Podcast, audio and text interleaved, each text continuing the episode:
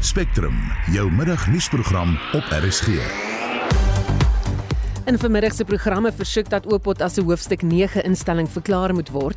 Die Tshwane Metro wil die arbeidshof nader na die bedingingsraad beslis het dat munisipale werknemers wel salarisverhogings moet kry en kommer oor 'n daling in belastinginkomste. Welkom by Spectrum onder redaksie van Jan Estreisen en die produksieregisseur is Jady Labuskaghni en ek is Susan Paxton.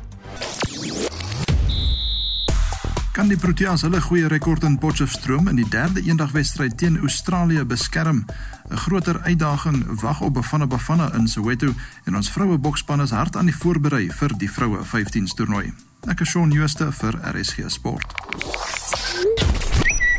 Op die sosiale media platform X trek die volgende hitsmerke en gonswoorde aandag. Dr Nandipa Magudumana, dit nou nadat haar borgtog aansoek gister geweier is.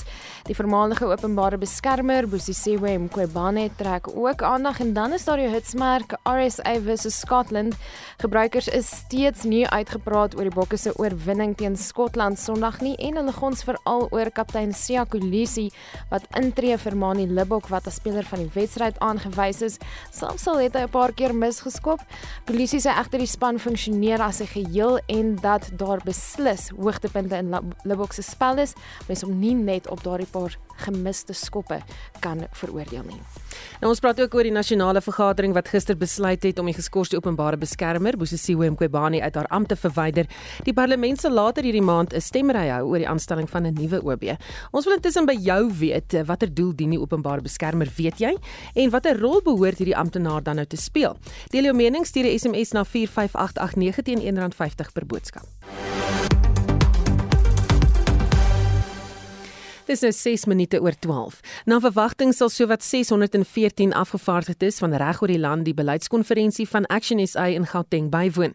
Die konferensie vind van vandag af tot en met donderdag plaas. Tydens die verrigtinge sal die party se amptelike partybeleidsplatform aanvaar word. En vir meer hieroor praat ons nou met John Moody, Action SA se nasionale bedryfsdirekteur. Goeiemôre John. Goeiemôre aan u en die luisteraars. Julle het 'n interessante proses gevolg om julle beleid te bepaal. Vertel my meer daarvan.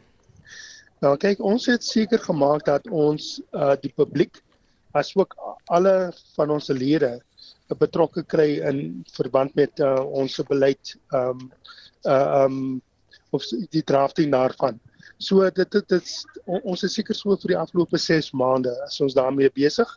En uh ja, dit kan meneer nou vandag uh, en oor die volgende 3 dae waar ons nou ons afgevaardiges van die verskillende provinsies hier het dat ons nou hierdie beleid eintlik nou gaan debatteer rassels en dan ja en dan aanvaar. Sê vir um, John, wat is van die belangrikste punte wat julle gaan bespreek wat betref die beleid? Ehm um, man kyk as 'n politieke party is ons mos maar gestig en ons het eersins begin met 'n met 'n plaaslike verkiesing. En ek dink as 'n mens nou gaan na na nasionale verkiesings toe, dan moet mense beleid hê wat die land vorentoe vat. Dit gaan nie net oor die elektrisiteit en die riool en dis meer nie. Wat wel baie belangrik is, maar dit gaan oor die groter sake van Suid-Afrika waar ons onsself vind as 'n nasie en ook waartoe ons gaan binne in die in die breë wêreld. En ek dink dit is dit om om daardie rede dat ons nou eintlik gekyk het na die kern uh uh um policies as skills wat eintlik uh, Suid-Afrikaners aantas. Goede soos elektrisiteit en dis meer die die die breed en butter issues soos mense sal sê wat mense moet eers reg kry voordat mense na ander groter goeder uh, goed te kyk en en breër goed te kyk. So dit is hoe die hoe hierdie uh, beleid uh, wat ons nou hierso land vaar, hoe gaan ons Suid-Afrika help dat ons Suid-Afrika weer op 'n goeie been kan bring en 'n pad vorentoe. En dit gaan ook bepaal hoe jy die verkiesing benader. Dit is so inderdaad so want kyk ons ons ons ons wasram uh on, on, ons uh, veld tog na die na, na 2024 self wees om hierdie beleide wat ons nou hierso uh, gaan aanvaar vandag. Mm. Jy het nou net genoem dat jy ook praat oor byvoorbeeld elektrisiteitskwessies, so gaan jy praat oor Eskom en die beurtkragsituasie. Ons praat oor die ja, oor alles, want dit gaan ook oor die ekonomie.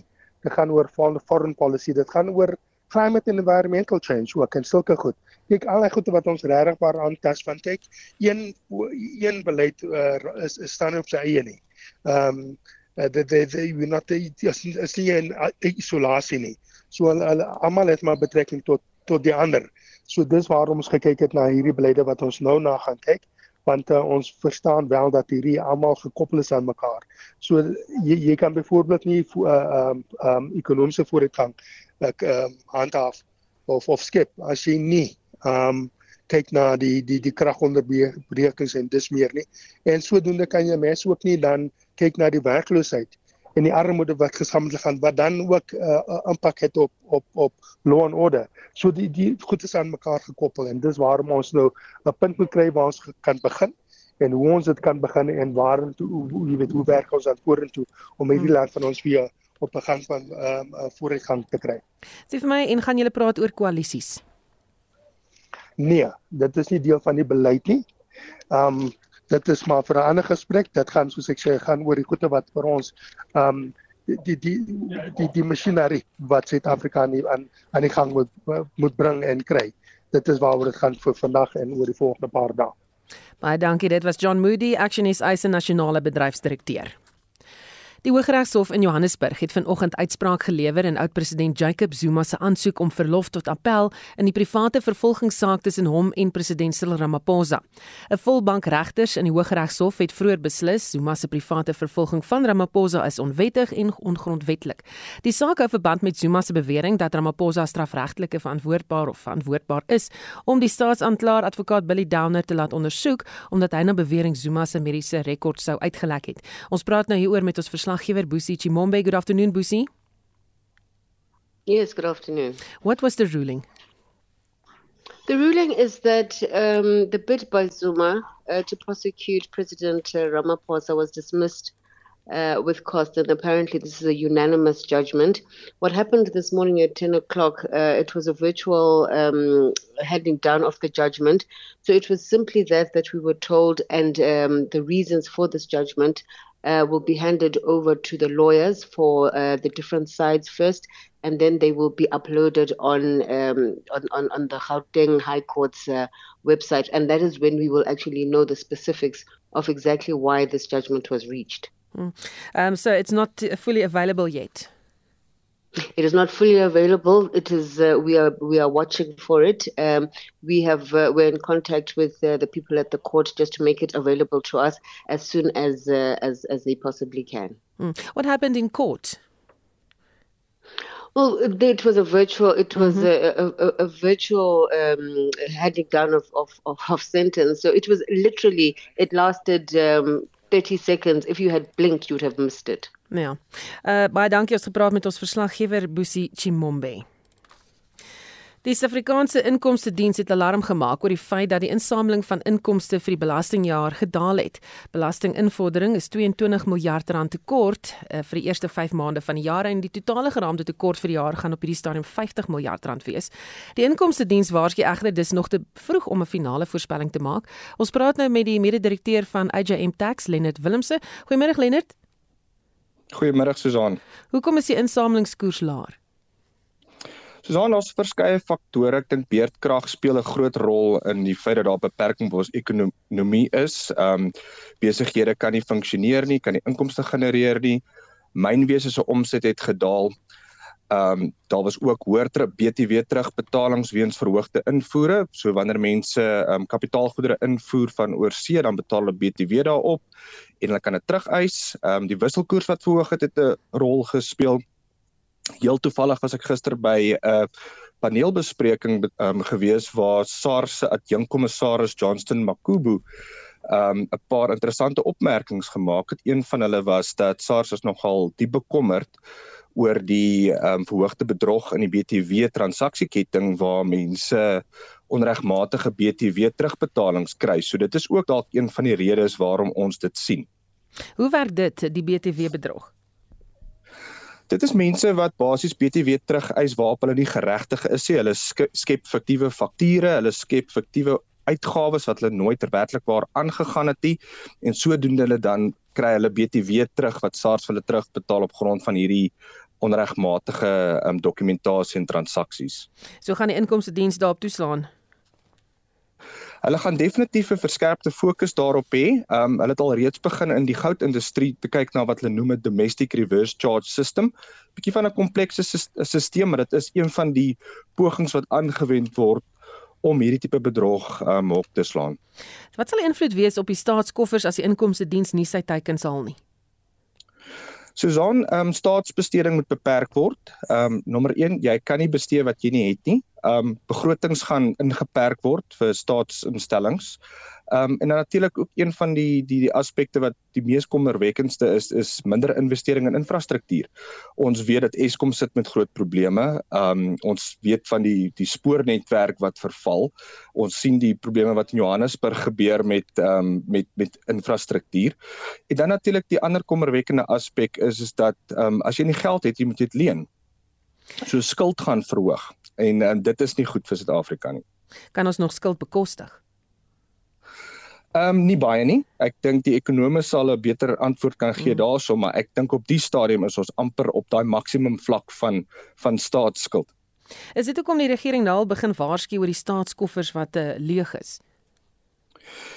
Ek dink so, ek dink dit is verseker 'n rooi lig wat flikker. Um, ons sal heel waarskynlik in die in die midtermyn begroting wat ook in Oktober plaasvind dalk 'n aanduiding kry rondom die um, insentiewe of maniere wat um, tesorie wil kry om om inkomste te verhoog. Maar iets wat ek wel net kan noem is dat ehm um, SARS vorder net in wat daar is. So as daar nie inkomste is nie, is daar niks om in te vorder nie. So ehm um, waar SARS dan natuurlik 'n effektiewe rol kan speel is waar hulle 'n verskerpte nakomingsfokus kan hê om seker te maak dat die mense wat wel die inkomste genereer en dit nie argumentswalwe verklaar nie dat daai mense ehm um, jy weet ehm um, dat hulle op die einde van die dag um, gepenaliseer word. So ehm um, tesorie het nie verskriklik baie beweegruimte op hierdie stadium nie. Hmm. Want uh, jy weet nog sê wat die inkomste diens kan doen want die inkomste diens is redelik effektief tans met hulle insameling, reg? Ja, ek dink daar's 'n definitiewe verbetering oor die oor die laaste paar jaar as mense ook geluister het gister na die adjunk kommissaris. Ehm um, SARS het definitief 'n 'n 'n kopskuif gemaak in daai omgewing. Fokus op um tegnologie rondom um assesserings van belasting, um vinniger verwerking van opgawes, vir vinniger verwerking van navrae en goed. So daar's definitief 'n bietjie positiwiteit wat om, wat dit um aan aan betref. Baie dankie. Dit was die mede-direkteur van AJM Tax, Leonard Willemse. President Cyril Ramaphosa sal vandag met arbeid vergader om te praat oor moontlike werksverliese en salarisverhogings. Dit weens die staat se koffers wat leeg is. Vakbonde het reeds hulle misnote kenne gegee oor die moontlikheid dat staatsdepartemente hulle begrotings gaan moet sny en die impak daarvan op werkers. Ons praat met Gawie Silje, 'n onafhanklike arbeidspraktisyn. Goeiemôre Gawie. Goeiemôre Susan en aan jou luisteraars. Nou vakbonde dring aan op verhogings en die staat sê dit is nou nie moontlik nie. Wat nou gemaak? Susan, uh, dit is 'n tamaletjie uh, en dit is nie noodwendig iets wat nie is nie. Ons is heeltemal bewus dat daar beperkte bronne in die staat is wat salarisrekening betref. Ek dink wat nou voorlê vir beide partye is om 'n meer probleemoplossende benadering te volg uh, tot die aangeleentheid van salarisverhoging eerder as om in 'n tradisionele manier van van bedinging in te gaan. Uh bedoelende in die konteks van kollektiewe bedinging laat daar eise gestel word waarop die die staat as werkgewer dan nou dan nou moet reageer. Uh net om 'n bietjie agtergrond te gee. Ek dink deel van die probleem is ook dat daar voortdurend vergelykings is tussen wat in die staatsdiens uh in die openbare sektor en dan in die privaat sektor gebeur. Nou verhogings is nie iets wat uh onbekend is in die privaat sektor nie. Dit geskied ten koste van 'n maatskappy se wins. Nou ontstaan die probleem in die openbare sektor dat daar nie 'n winsmotief is nie, maar wel 'n diensmotief. So enige potensiële verhoging, salarisverhoging in die staatsdiens uh, word dan uh, het dan 'n impak op uh, verhoogde belastings byvoorbeeld. Nou uh, almal se behoeftes of jy nou in die privaat sektor of in die openbare sektor werk, is min of meer dieselfde in terme van stygende lewenskoste So ek dink ons het hier met 'n redelike groot uitdaging te doen. Een van die uitdagings uh, of faktore wat aanleiding gee tot die uitdaging is dat die dat die dat die begroting, die staatsbegroting uh, word hier in in Februarie maand gefinaliseer. Die kollektiewe bedinging in die staatsdiens vind plaas uh, rondom die middel van die jaar of net na die middel van die jaar uh, wat eintlik die partye om die onderhandelingstafel bring met 'n gegewe. Daar word vir 'n sekere salarisverhoging begroot uh, en die vraag ontstaan nou, nou waaroor moet daar onderhandel word. Nou blykbaar is die boodskap op hierdie stadium dat daar eintlik nie geld is nie. Uh dis onduidelik wat van die fondse geword het of dit wanbesteding is en of dit moontlik gekanaliseer word uh na ander na ander uh, afdelings in die staatsdiens. Hmm. So daar is 'n oplossing. Uh die, die ek dink daar is 'n oplossing en die oplossing gaan kreatiwiteit ver van van albei partye. Ongelukkig van dit plaas in 'n omgewing waar die vertroue tussen werkgewer en werknemers baie laag is so dit mag moontlik nodig wees om 'n fasiliteerder 'n derde party in te bring om die partye nader te bring aan 'n moontlike oplossing uh oplossings wat moontlik nie baie populêr gaan wees nie. Ek dink daar moet groter effektiwiteit kom in die staatsdiens uh, wat tot 'n vermindering in in aantal uh personeel of werknemers kan lei om meer fondse beskikbaar te maak want die uh, huidige situasie is ongelukkig uh nie volhoubaar nie. En met dalk moet mens eers vra wat is die rol van arbeid nog in die land? Arbeid het tradisioneel of arbeids of vakbonde het tradisioneel 3 3 rolle. Die een is om die ekonomiese belange van hulle werknemers te, of hulle lede te beskerm. Tweedens het hulle ook 'n belang ten opsigte van van prosedures om te sien dat daar billikheid is in terme van hoe hulle lede behandel word en derdens het hulle ook 'n 'n sogenaamde gemeenskapsrol. Ek dink die die die huidige rol van van vakbonde uh is miskien nog te veel op die gemeenskapsrol of dan nou meer tradisioneel die politieke rol uh gefokus en dat daar moet wegbeweeg word na na na meer die die ekonomiese aktiwiteit. By ekonomies bedoel ek nie dat daar groter verhogings moet wees nie. Ek dink uh 'n mens moet gaan kyk dat dat een van die van die doelwitte van die werkgewer-werknemer verhouding is groter mate van effektiwiteit omdat groter mate van effektiwiteit in belang van beide die werkgewer en die werknemer is uh, en my persepsie is dat uh, uh, ons dit nie noodwendig op die gewenste vlakke in die staatsdiens het nie. Hm. Is die vergadering wat die president belê het uh, nie iets wat lankal moes gebeur het nie en is hy die regte mens om hierdie vergadering te lei? Uh ek dink nie hy is noodwendig die regte mens om dit te lei nie en ek dink die vergadering is te laat uh, uh jy kan nie in 'n onderhandeling ingaan uh met 'n met 'n negatiewe boodskap net voor die proses moet begin nie. Daar moet heelwat grondwerk of voorbereidingswerk gedoen word voordat dit gebeur uh en die die die president as dan nou die staatshoof uh dink ek nie is noodwendig die die geskikste persoon nie. Uh ek dink hierdie aangelede behoort meer in die nasionale ekonomiese ontwikkelingsraad uh bespreek te word en die bespreking en die openbaarmaking van inligting rondom die finansiële toestand van die staatsdiens uh moes al maande gelede plaasgevind het. Baie dankie, dit was Gawie Silje, 'n onafhanklike arbeidspraktisyn. Die Tshwane Metro beplan om die bedingingsraad vir plaaslike regering se beslissing oor die metro se kwytskeldings aansoek om werknemers se salarisverhoging te betaal op hersiening na die arbeidshof te neem. Die bedingingsraad het beslis die metro moet salarisverhogings aan werknemers betaal in gevolge die 2021 salarisooreenkoms. Die metro hou vol hy kon nie of kan nie die salarisverhogings vir die 2023-24 finansiële jaar betaal nie omdat hy finansiëel in die knyp is. Ons praat nou hieroor met die burgemeester van die Tshwane Metro, Silje Brink. Goeiemôre Silje. Hallo Susan. So wat bepaal die 2021 salarisooreenkoms? Dit is 'n uh, ooreenkoms wat oor 3 finansiële jare onderhandel word op 'n nasionale vlak. Munisipaliteite word nie individueel verteenwoordig nie, hulle word kollektief deur die SA plaaslike regeringsassosiasie SALGA verteenwoordig. Maar daar's ook dan 'n bepaling in die kollektiewe ooreenkoms dat munisipaliteite wie nie kan bekostig om hierdie verhogings te betaal nie uh dat hulle kan aansoek doen by die bedingingsraad en natuurlik enigiets wat by die bedingingsraad besluit word kan op hersiening geneem word as daar gronde is na die arbeidshof en dan daarna na die arbeidsappelhof. So terwyl Tswane uh verlede jaar salarisverhogings kon betaal, is ons gewoon net nie in die posisie om dit nou te doen nie en ons glo daar was 'n mistasting aan die kant van die bedingingsraad Hulle het gekyk na verlede jaar se salarisrekening, die feit dat ons minder op salarisse spandeer het verlede jaar as as wat ons begroot het en dit is omdat ons niemand uh poste nie gevul het nie, senior bestuursposte wat nou gevul moet word nie gevul het nie. En op grond daarvan het hulle besluit, maar nee, julle het nou onderspandeer verlede jaar, julle moet geld hê hierdie jaar en dis natuurlik nie, nie hoe dit werk nie.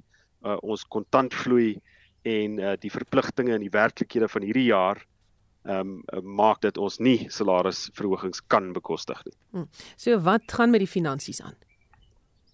So daar's verskeie finansiële skokke wat die munisipaliteit moes verduur in die afgelope paar jaar. Een daarvan was salarisverhogings wat in 2019 uh, gegee is buite die kollektiewe ooreenkoms 'n hele nuwe salarisskaal wat van toepassing was op Tswane um, en die die omvang van hierdie verhogings was tussen 12 tot 18% vir meeste van die mense wat vir die stad werk. Die tweede skok is natuurlik beurtkrag vir al fase 5 en 6 wat beteken dat ons die vaste uitgawes het van die onderhoud van ons uh, distribusienetwerk, maar ons kan nie elektrisiteit verkoop as daar fase 5 en 6 beurtkrag is nie ons maak dan se verlies op ons elektrisiteits uh, besigheid. En dan is daar natuurlik ook die Grendelstaat wat 'n effek gehad het veral in Tshwane want daai tydperk het gepaard gegaan met provinsiale administrasie, onregmatige provinsiale administrasie wat baie van die kontrole wat in plek moes wees afgebreek het. En so is ons in 'n unieke omstandigheid, maar ook nie juis te uniek nie, want jy sal ook weet dat die res van die land, provinsiale en nasionale regering nou sukkel om die salarisverhogings wat beding is te betaal. En ek dink Tswane se situasie is is 'n weerspieëling van wat in die res van die land gebeur. Hierdie dienslewering betoging en staking, weet julle hoe lank dit nog gaan voortgaan? Want dit is nou 'n kwessie van die oppergesag van die reg, want die staking was nooit wettig nie. Dit was van af 'n onbeskermde staking en dis op 'n onderduimse manier gedryf. Ons glo deur 'n elite binne in SAMU, dis nie die gewone uh, uh werknemers wat wat uh, hierdie ding dryf nie. Daar's mense met politieke en ekonomiese oogmerke. Maar ons hou aan om op te tree met al die regte wat enige uh werkgewer het en uh en dit sluit in afleggings vir mense wat deelneem aan die onbeskermde staking uh om om uh, om betalings te dak soos wat hulle sê uh en en natuurlik enige ander aksie te neem om die oppergesag van die reg te beskerm. Ek het vroeër gesê dat as daar aanvalle is op infrastruktuur in Pretoria en Tshwane, dan is baie belangrik dat die nasionale polisie diens en intelligensiedienste ook daarvan kennis neem en ons help om die wet toe te pas want uh, as hier ontwrigting, gewelddadige kriminele ontwrigting in die stad is, dan is dit nie net die munisipaliteit wat geaffekteer gaan word nie, dit is die setel van die nasionale regering hierdie. Hm. Baie dankie gespreek met die burgemeester van die Tshwane Metro Silje Brink. Spectrum, jou middagnuusprogram op RSG. In die tweede helfte van die program die DA sê die proses om Busisiwe Mqobane as openbare beskermer te verwyder het die belastingbetaler miljoene rand gekos en die parlement beraadslaag oor uitstaande openbare voorleggings oor die Bela wetgewing bly ingeskakel. As jy nie seker of jy gesê het nie Marlenae, maar Janet laat weer in 12 is gesluit by Wolmaranstad stad weens 'n uh, protesoptrede daar, so as jy in die omgewing is, hou dit maar in gedagte. Ons praat oor die openbare beskermer en wat dink jy moet van daardie staatsamptenaar word of wat moet daar gebeur en Samuel wat sê ek dink die openbare beskermer se kantoor hulle moet ontbind word. Sy sal nooit teen die president optree en die polisie en die valke uh, se werk kan doen nie. Dan sê Willie van Kabega, uh, toe daar gevra is om die gewese openbare beskermer af te dank, was daar geen reaksie van die president nie, maar toe sy aan Palapala begin werk, toe sy iewes skielik geskort het. Laat my dink daar steeds 'n slang in die gras sê, ehm um, Willie. En nog 'n luisteraar wat na aanleiding van die leë koffers van die staat reageer en sê vat die R350 weg en gee hierdie mense werk. Jy kan steeds saamgesels oor enige van die stories waar ons berig 45889. Onthou SMS se kos R1.50. Die sportbulletin word met trots aan jou gebring deur SABC Sport die amptelike radio-uitsaier van die Rugby Wêreldbeker Frankryk 2023. Shaun Jooste is gereed met uh, al die sportnuus. Goeiemôre Shaun. Goeiemôre Susan. Op die cricketveld pak die Proteas in Australië mekaar binnekort in Potchefstroom. Ja, dit is die derde van 5 wedstryde in die eendagreeks met die Aussies wat 2-0 voorloop en die reeks vandag kan beklink. Nou die Proteas wil so 'n bietjie momentum opbou voor die begin van die Wêreldbeker in Indië en Senwes Park daar in Potchefstroom is dalk net die plek om dit te doen. Suid-Afrika het nog net een van die 11 wedstryde hier verloor. En ten spyte van die Aussies se twee oorwinnings het Suid-Afrika 11 van die laaste 14 eendagwedstryde teen hulle gewen spel begin 1 uur om Southampton vas. Hmm. Bafana Bafana het later 'n kans om op te maak vir Saterdag se vertoning teen Namibië. Ja, beslis Suid-Afrika en die Demokratiese Republiek van die Kongo takel mekaar vanmiddag 5uur op Orlando Stadion in Soweto in 'n vriendskaplike wedstryd. Saterdag se 0-1 gelykop uitslag teen Namibië was teleurstellend om die minste te sê en die DRK gaan 'n groter uitdaging wees, so ons hoop dit inspireer die span om be om beter te presteer. Suid-Afrika het twee van hulle laaste 4 wedstryde teen die DRK gewen, maar die laaste kragmeting het 2-1 gelykop geëindig, dit was in 2005. Terwyl die rugby wêreldbeker nou aan die gang is, berei ons vroue boksspan voor vir aanstaande maand se vroue 15 se toernooi in Suid-Afrika. Ja, hulle draf Saterdag by die Universiteit van die Wes-Kaap teen Kenia op die veldtyd. Nou dis 'n geleentheid vir die afrigspan om te bepaal hoe die groep na oefenkampe gegroei het. In Suid-Afrika het Kenia vroeër vanjaar met 48-0 kaf gedraf, maar onderskat nie hulle opponente nie. Ons hoor van die assistent afrigter Lorien Johannes Abt. Yeah, the fact that we're playing Kenya definitely helps with our growth and our growth spurt to see where we really are, to assess our new girls, to give them opportunities to play. And to see to really measure how far we need to go before our competition, the WXV. You know, you take a game on its merit, and I believe Kenya is going to come out stronger than before. We kind of know what to expect, and their physicality is always up there. Scrum time, they want to work hard, they want to be in their battles, and we how good the scrum of the 8, the 12, and a few key players of them are. Dit dan Lorian Johannes op die assistent afrigter van die vroue boksspan. En dit was die stem van Shaun Jooste van RSG Sport. Dis 12:32 jy luister na Spectrum die wysigingswetsontwerp op die onafhanklike polisie ondersoekdirektoraat oorhandig alle magte aan die minister van polisie Bekkie Cele. Dis die mening van Ian Cameron die direkteur van gemeenskapsveiligheid van die drukgroep Action Society. Hy sê die wysigingswetsontwerp in sy huidige vorm ontneem Oopot van sy onafhanklikheid om polisielede te kan ondersoek. Ons praat nou met hom goeiemôre een. Goeiemôre Susan. Watter bepalinge is daar in die wysigingswetsontwerp wat volgens julle Oopot se onafhanklikheid sal wegneem dan?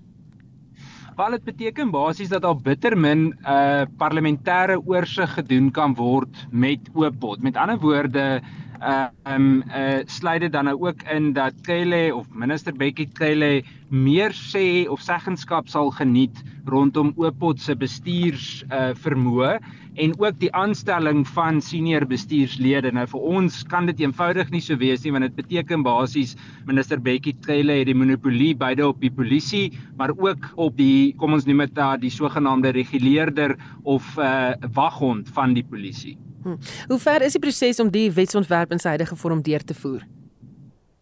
Uh, nee, daar's nog daar's nog 'n klompie goed wat met gebeur se Zaan. Kyk, hulle het nou gesê dat hulle is ten gunste as ek sê hulle blyk dit die ANC is ten gunste daarvan om dit ter tafel te lê. Daar was al vele gesprekke met die polisie portefeulje komitee, maar daar is nog 'n hele paar goedjies wat wat nog moet gebeur. Ek dink dit is belangrik dat daar van 'n burgerlike oogpunt uh meer gesê word of meer gepraat word daaroor. Ek is so bang hierdie goed glip deur en dit gebeur omdat ons nie noodwendig kennis gedra het daarvan nie. Natuurlik sal iemand soos wil hê dit moet so werk en, en ons wil natuurlik alles in ons vermoë doen om dit te keer sodat ons die bietjie onafhanklikheid wat iets soos Oopot nog tot 'n mate het kan beskerm. Hulle wil 'n veldtog lei om Oopot aan se hoofstuk 9 instelling verklaar te kry, maar dit sal vereis dat die grondwet aangepas moet word. Dink jy dit sal gebeur? Ek dink dit kan gebeur. Ek uh, ek ek is eintlik nogal positief daaroor. Ek dink by die aanloop tot volgende jaar se verkiesing is dit ook 'n positiewe uh veldtogpunt vir van die partye en ek en ek dink baie van hulle nie dink nie, ek weet baie van hulle sien baie uit na die gedagte So ek dink dit is 'n stap in die regte rigting. Dit sal maar eenvoudig beteken dat daar uh jy weet minder politieke inmenging kan wees. Ons hoop dat dit nie dieselfde roete as die openbare beskermer sal loop nie, maar ten minste sal ons dan sien dat daar 'n uh, bietjie meer aanspreeklikheid of bietjie meer onafhanklikheid eerder sal wees van politieke inmenging spesifiek van die ANC wat ons in die verlede al gesien het. Hoe effektief funksioneer Oopot tans? Susan Ehm um, Oopot is soos ja, ek moet uh, ek moet my woorde mooi kies. Uh hulle kies wanneer hulle goed funksioneer. Daar's baie goeie mense daar, maar weens reeds bestaande politieke inmenging sien ons dikwels dat daar nie regtig nagevolge is ehm um, uh, ten spyte van hulle ondersoekwerk nie. Uh Oopot is 'n uh, 'n bietjie van 'n 'n tandlose hond op die stadium en en dit voel vir my asof dit, dit toenemend so word. So deel van ons geveg is nie net om hierdie stuk wetgewing te keer nie, maar om tande terug te gee aan Oopot. Ons moet 'n suksesvolle Oopot hê dis krities om 'n eksterne ehm um, uh aanspreeklikheidsentiteit te hê wat die polisie verantwoordelik hou. En dink jy Oopot sal beter funksioneer as 'n hoofstuk 9 instelling? Ja, absoluut. Nee, ongetwyfeld. Dit, dit beteken nie net dat die ehm um, dat politici dalk minder kan inmeng nie, maar ek dink daar kan wesenlike invloed hê. Ag, kyk, alles hang ook af van die van die begroting wat hulle daar agter sit, maar ek dink ons kan 'n baie groot impak maak as ons dit kan regkry. En ons moet ook sê, nê, ons is besig om die narratief te beïnvloed. Alles gebeur nie oornag nie maar ek dink toenemend dat hoe meer ons die narratief beïnvloed met hierdie tipe goed, hoe meer druk sit dit op die huidige regerende party. Baie dankie ons gepraat met die direkteur van gemeenskapsveiligheid van Action Society Ian Cameron. Die geskorste openbare beskermer advokaat Bosisiwe Mqobani is amptelik uit haar pos onthef. Die nasionale vergadering het gister ten gunste daarvan gestem op aanbeveling van die parlement se artikel 194 komitee wat haar skuldig bevind het aan wangedrag en onbevoegdheid nadat haar bevoegdheid om haar in haar amp aan te bly ondersoek is. Mqobani was vir langer as 'n jaar geskort en ons praat nou hieroor met die DHLP Dr Annelien of Annelie Lotriet. Goeiemôre Annelie. Goeiemôre Susan. Die artikel 194 komitee se ondersoek het langer as 'n jaar geduur en en Kobani was met volle voordele geskort. Wat het die hele proses die belastingbetaler dan nou gekos? Ja, kyk, ek dink mense moet um mooi kyk na wat die kostes was want daar is 'n een deel, dit was haar direkte kostes vir haar regspan. Maar daarmee moet mense nou saambereken elke keer wat sy hof toe gegaan het. Ehm um, en dit was dit was uh, ook 'n groot deel van die kostes en waar sy elke keer of meeste gevalle dan ook 'n kostebevel teen haar gekry het. So as mens die somme dan gaan maak en as mens kyk wat dit die parlement self gekos het, dan praat ons van in die omgewing van 160 miljoen rand. En dit is uh, egter die eerste keer in 'n demokratiese Suid-Afrika die hoof van 'n hoofstuk 9 instelling uit haar pos verwyder word. Wat beteken dit vir toekomstige aanstellings? Wel ek dink die groot les wat hieruit geleer moet word is dat mens moet met die aanstellingsproses baie omsigtig omgaan en kandidate verkies wat ehm um, voldoen aan die hoë vereistes wat daar vir die pos gestel word. Wat aan die ander kant ook bewys is dat die parlement het tande en kan wel as daar wangedrag is waar daar onbevoegdheid is uh, iemand verwyder. So aan die een kant is dit 'n goeie ding en aan die ander kant moet dit vir ons 'n groot les en waarskuwing wees. Baie dankie het gepraat met die DHLP Dr Annelie Lotriet. Don't tell me about lazy deadwoods. I have no time for deadwood. Die besluit van Julius Malema om op te tree teen 210 lede is drakonies en dit sal gevolge hê vir die verhoudings binne die party. Vir 2024 uh, wat hulle kanse betref, as daar 'n opkoms is van 65%, sal die EFF dit baie moeilik vind om weer 10% van die steun te handhaaf. 2024 gaan 'n baie uitdagende jaar wees vir die EFF. Brandpunt, 'n fokus op al die nuusgebeure van die dag. Weksmiddag tussen kwart voor 6 en 6 uur op RSG. Dis naby kans 20 minute voor 1 jy luister na Spectrum. Die portefeulje komitee oor basiese onderwys bespreek weer vandag die voorgestelde aanpassings aan die wysigingswetsontwerp op basiese onderwyswette. Die sessie het afgeskop met 'n bespreking van die duisende uitstaande voorleggings deur lede van die publiek wat aanvanklik nie oorweeg is nie. Die Vryheidsfront Plus se hoofwoordvoerder vir basiese onderwys, Wynand Boshoff, dien op hierdie komitee en ons praat nou met hom. Goeiemiddag Wynand. Goeiemiddag Susan. Daar was uh, heelwat kommer dat slegs 7 dae nie genoeg gaan wees om behoorlik deur al hierdie geskrewe voorleggings te werk nie. Hoe staan sake nou? Ja, op die ouend is al 14 dae daarvoor gebruik. Verlede week het ons toe nie by ingekom nie of ander sake bespreek as gevolg van 7 dae wat te min was. Nou het ons 'n uh, so kwalitatiewe uiteensetting gekry wat sê hierdie en hierdie en hierdie sake het ter sprake gekom, maar interessant genoeg, toe ons die eerste ontwerpverslag gekry het oor hierdie openbare voorleggings, toe het dit syfers ingesluit. Soveel mense vir, soveel teen, soveel gedeeltelik, soveel het nie gesê nie, maar met hierdie nuus wat bygekom het, is daai syfers nie gegee nie en dit het nogal die wenkbroue laat lig. Tevore was die uitslag gewees 48% is vir die uh wetsontwerp en dan so 39% daarteen. Nou weet ons nie meer wat die nuwe syfers is nie en van die lede het herhaaldelik gevra van verskillende partye en oor en oor maar wat is nou die getal? Wat is die syfers? En die uh, navorsers het eenvoudig net ingebreek Wynand, jy gaan dalk vir my so 'n bietjie moet skuif van daai sein van jou. Wynand, kan jy ons hoor? Nee, kos gee hom terug aan die kontrolekamer, kyk of hulle vir ons kan terugkry dat die lyn net bietjie beter is want graag hoor wat hy sê oor hierdie wysigings wetsontwerp op basiese onderwyswette.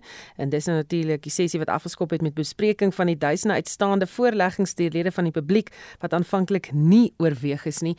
En ons kyk of ons hom kan terugkry op die lyn daar. Lyk vir my staan Wynand.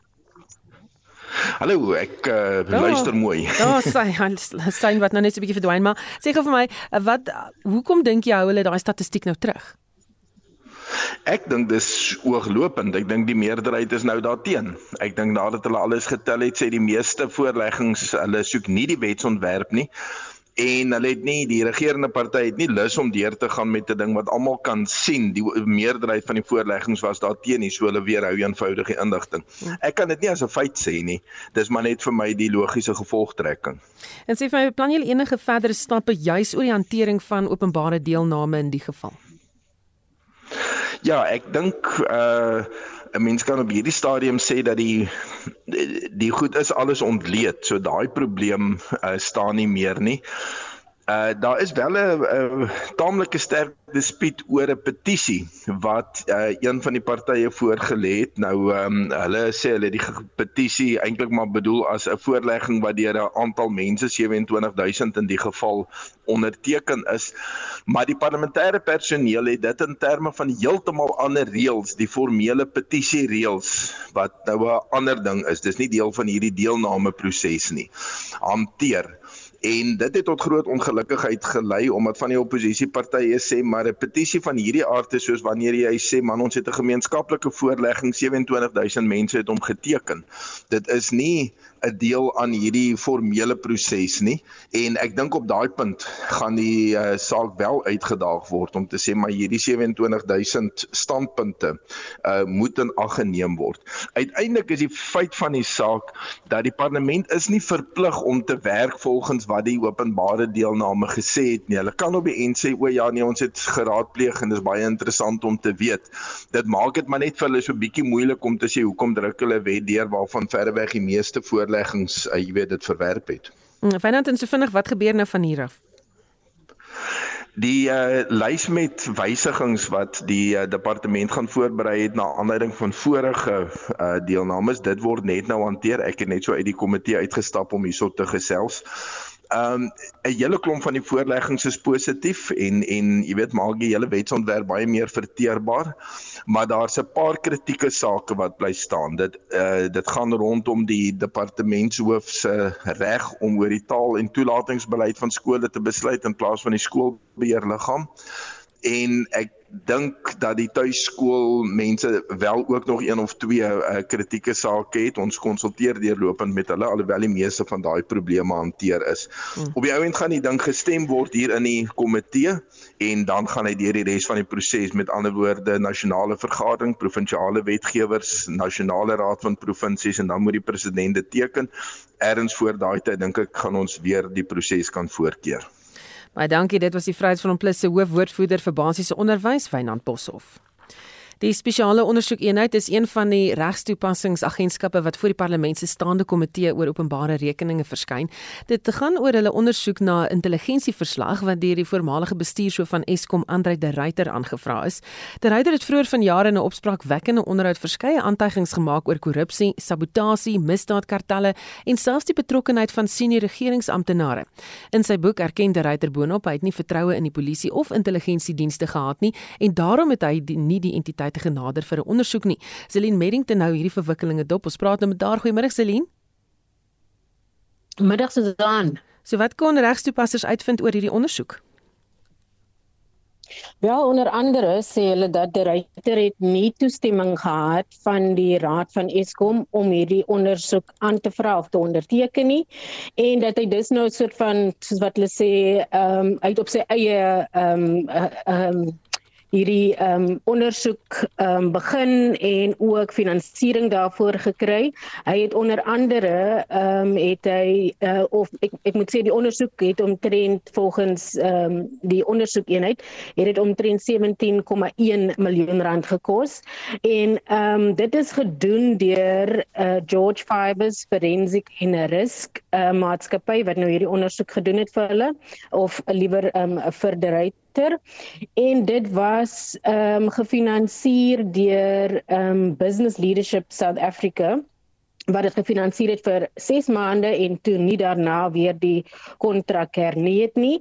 Maar Andy Mutibi die hoof van die ehm um, spesiale ondersoekeenheid sê die manier hoe die ruiter omgegaan het om hierdie verslag te kry dui op wanadministrasie want hy moes toestemming gekry het by die raad om met hierdie intelligensie ehm um, ondersoek te begin uh, wat hy toe nog nie gedoen het nie.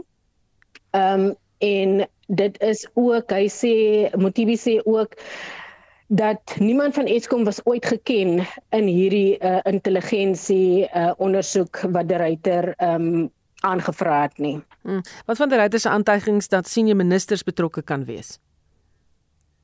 TB sê die name word genoem in hierdie verslag, maar hy sê dit is nog te vroeg om enige van hierdie name te noem want daar is natuurlik regsimplikasies en hy sê hulle is besig om voort te gaan met die ondersoek. Ehm um, na hierdie aantuigings spesifiek uh, ook name wat genoem word.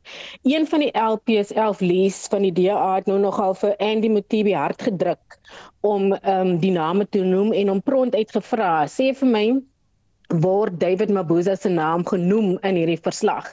En die ehm um, waarnemende voorsitter van van skoor vandag het ehm um, uh, probeer om 'n stokkie daarvoor te steek om te sê dat okay dit eh, ehm uh, um, Motibi is nie hier onder kruisbehoor nie. Maar Motibi het ook geantwoord en gesê dit is net eenvoudig die inligting is te sensitief om dit op hierdie stadium op die lappe te bring. Maar hy het bevestig daar is name genoem in hierdie intelligensieverslag. Hm. Is daar enige regstappe wat oorweeg kan word hier? Ja, uh, Susanna sê nogal Motibi sê dat ehm um, hulle sal kyk daarna wat watter stappe geneem kan word teen Andre de Ruyter omdat hy om basies uh, soos wat ehm um, Motibi sê hy het hom skuldig gemaak aan wanadministrasie. Ehm um, en ook dit is uh dit is 'n baie ernstige ding om intelligensie ondersoeke te loods want dit is net die ehm um, die staatsintelligensiediens wat wat so iets mag doen. So hulle hy sê hulle gaan kyk daarna watter stappe geneem kan word teen die ruiter en ek weet ook die feit dat hy nou nie meer vir Eskom werk nie. En uh, Motibi sê hulle gaan ook kyk na ehm um, stappe teen die maatskappy wat hierdie ondersoek gedoen het as ook die maatskappy wat dit gefinansier het want soos hy sê hulle moes beter geweet het ehm um, as om in uh, betrokke te raak by intelligensie ondersoeke wat eintlik net deur die staat ehm um, gedoen kan word. Baie dankie dit was Celine Merrington in die parlement. Vir die jongste sake nie sluit Aubrey Lakens by ons aan. Hy's 'n beleggingsspesialis by Efficient Private Lines. Goeiemiddag Aubrey. Goeiemôre Susan en RC luisteraars. Ja, globale markte tot dusver vandag eh, het gemengde welslae ervaar weens 'n wêreldwye kopkrappery oor inflasiesyfer verwagtinge uit die FSA wat môre aangekondig word. Hierdie inligting sal natuurlik 'n beduidende uh, rigting toon oor of rentekoersverhogings al die gewenste uitwerking begin wys en of nog van hierdie medisyne vanaf die Amerikaanse Federale Reservebank nodig is. In vroeë oggendverhandeling kon, uh, kon sekere Asiëse markte darm van die heersende onsekerheid afskud. Die um, Australiese ASX indeks styg met so 0,2% en die Japaneese Nikkei wen so amper 1% veld. In China is die Shanghai indeks egter so amper 0,2% swakker en in Hong Kong gee die Hang Seng indeks so 0,4% op vandag. In die Europese markte lyk saak ook gemeng en effens koersloos en dis selfs te midde van verwagtinge hier dat sentrale banke uh, vyf fokus is om verdere rentekoersverhogings uh, te bring. Die Londense FTSE indeks styg met so 'n halwe persent vandag en die Duitse DAX en Franse CAC 40 daal met ongeveer 0,4 en 0,2% onderskeidelik. Op die plaaslike front is die US ook maar ook gijslaer van die groter gebeure Die indeks vir alle aandele sak tot dusver vandag net so oor die 0,3% terug. Daar is geen subsektor op die beurs wat uitstaan nie, alhoewel op individuele aandele vlak aan die wenkant vandag staan AngloGold Ashanti en Discovery uit. Eers genoemde styg net so kort van 4% op die rig van 'n her, herorganiseringsaankondiging en Discovery verhandel so amper 3% in die groen gebaseer op resultate wat aangekondig was waarvan die mark klaarblyklik gehou het. Op die valutamark is die rand tesame met uh, ander ontwikkelde geldeenhede uh, uh iets wat swakker teen die groot kanonne, maar die uh maar nie met groot marges nie. 1 FSA dollar verhandel nou teen 18.92 sent 1 euro teen R20.29 en 1 Britse pond teen sowat R23.60. Op die kommoditeitsmark is dinge redelik bestendig alhoewel die prys van Brent olie per vatjie steeds hardnekkig vasbyt byt op vlakke bo 91 dollar en dit is steeds naby die hoogtepunte vir die afgelope jaar of so. Goud sak effens terug uh gegee word die sterker dollar vandag en verhandel nou teen so 1918 dollar per fyn ons met platinum op 900 dollar en palladium op 1215 dollar. En dit is my kort verhaal vir die dag. Al dis uh, dit gemeng of wisselvallig is vanaf my en die span hier by Efficient Private privaat kliënte wens ek julle in die ateljee en die RC luisteraars 'n wonderlike dag verder toe. Baie dankie en dit was Aubrey Laken soos hy gesê het, 'n beleggingsspesialis by Efficient Private Clients. Die Springbokke gaan nie op hulle laure rus nie ondanks die oortuigende 18-3 oorwinning teen Skotland in Suid-Afrika se eerste wedstryd by die Rugby Wêreldbeker toernooi in Frankryk. Roemenië is die Bokke se volgende teiken Sondag en die spelers wil bou op die goeie, maar wil ook verseker dat foute nie herhaal word nie, Harry Olivier berig. Die grondslag vir die vertoning teen Skotland was beslis die Bokke se verdediging. Skotland se gevaarlike agterlyn is in toom gehou en die 3 punte wat hulle wel aangeteken het, was die laagste van al hulle meer as 30 wedstryde die afgelope 4 jaar. Hier is die Suid-Afrikaanse stut, Trevor Nyakani.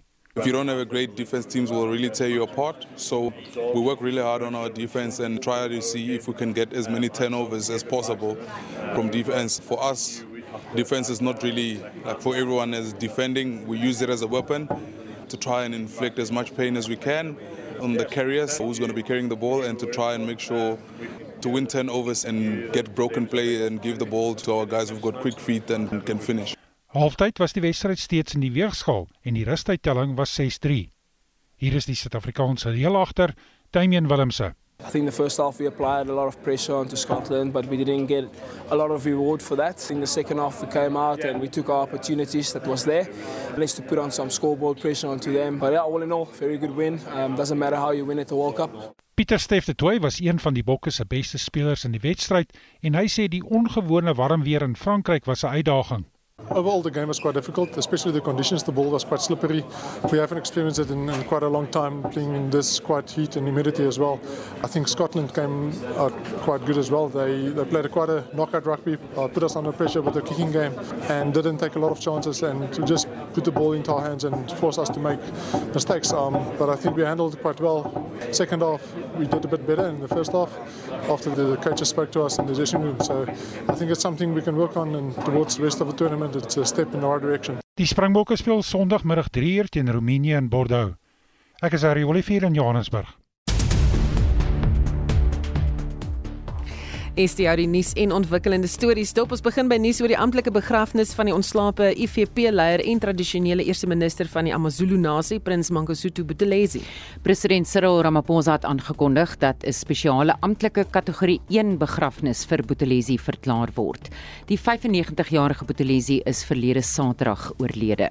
Die begrafnis sal Saterdag in Ulundi in KwaZulu-Natal gehou word. Ramaphosa het ook opdrag gegee dat vla by staatsgeboue van vandag af tot en met Vrydag aand halfstok moet hang.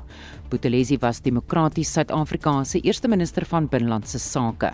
Hier is die presidensiële woordvoerder Vincent Magwenya.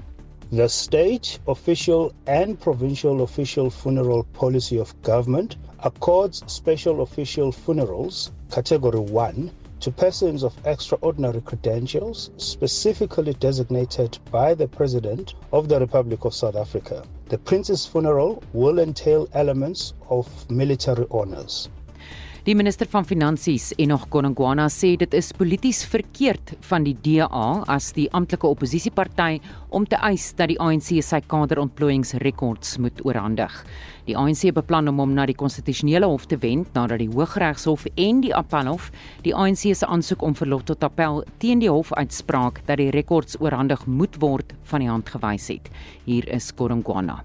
It is incorrect to say you must reveal your own records to your competitor. How does that work to your political opponent in business terms to your competitor? How do you do that? And no party across the world does not do it. They may not call it deployment or something, but this issue of the political party in making sure that it can achieve its objective, in looking at people who can uh, who are aligned with that government policy, is not an ANC philosophy. All parties do it, including the DA. Die adjunkminister van gesondheid, Dr Sibongiseni Dlomo, het gister tydens 'n vlug vanaf Durban na Kaapstad bond gestaan om 'n vroue passasier aan boord van die vliegtyg te stabiliseer. Dlomo, wat as mediese dokter opgelei is, het die passasier gehelp wat in nood van mediese behandeling was voordat die vlieënier byna byna die vlug herlei het om die vrou se lewe te kon red.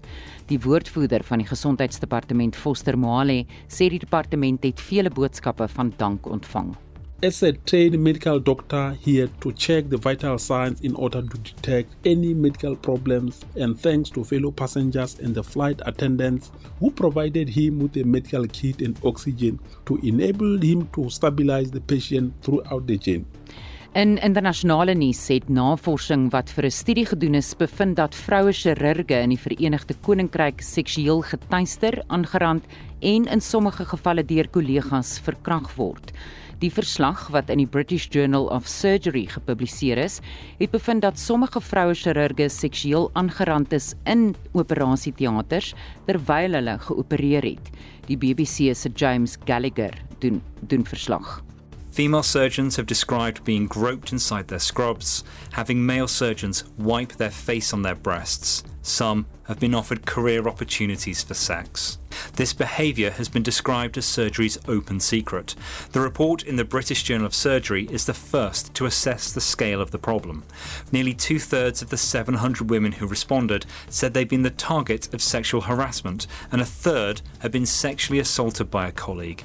The report says there is a culture of silence because women are often unable to speak out for fear of damaging their careers. En die Italiaanse stad Venesië gaan na verwagting 'n proefloopie goedkeur om 'n daaglikse besoekfooi van 5 euros van toeriste te vra. Alle toeriste, alle alle toeriste ouer as 14 jaar gaan die fooi moet betaal in 'n poging om te probeer om toeriste getalle in Venesië te beheer.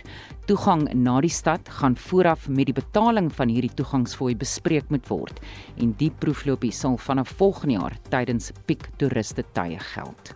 Onthou kom in te skakel vir brandpunt om kwart voor 6 vanmiddag vir 'n opsomming van jou dag se nuus. En dit was Estie de Klerk met 'n nuusopsomming. Net so vir ons groet ek sien hy gaan hom nie laat boelie oor wat om te doen met die laagkoste lugdiens Manga nie, soos die Pravin Gordhan minister van openbare ondernemings.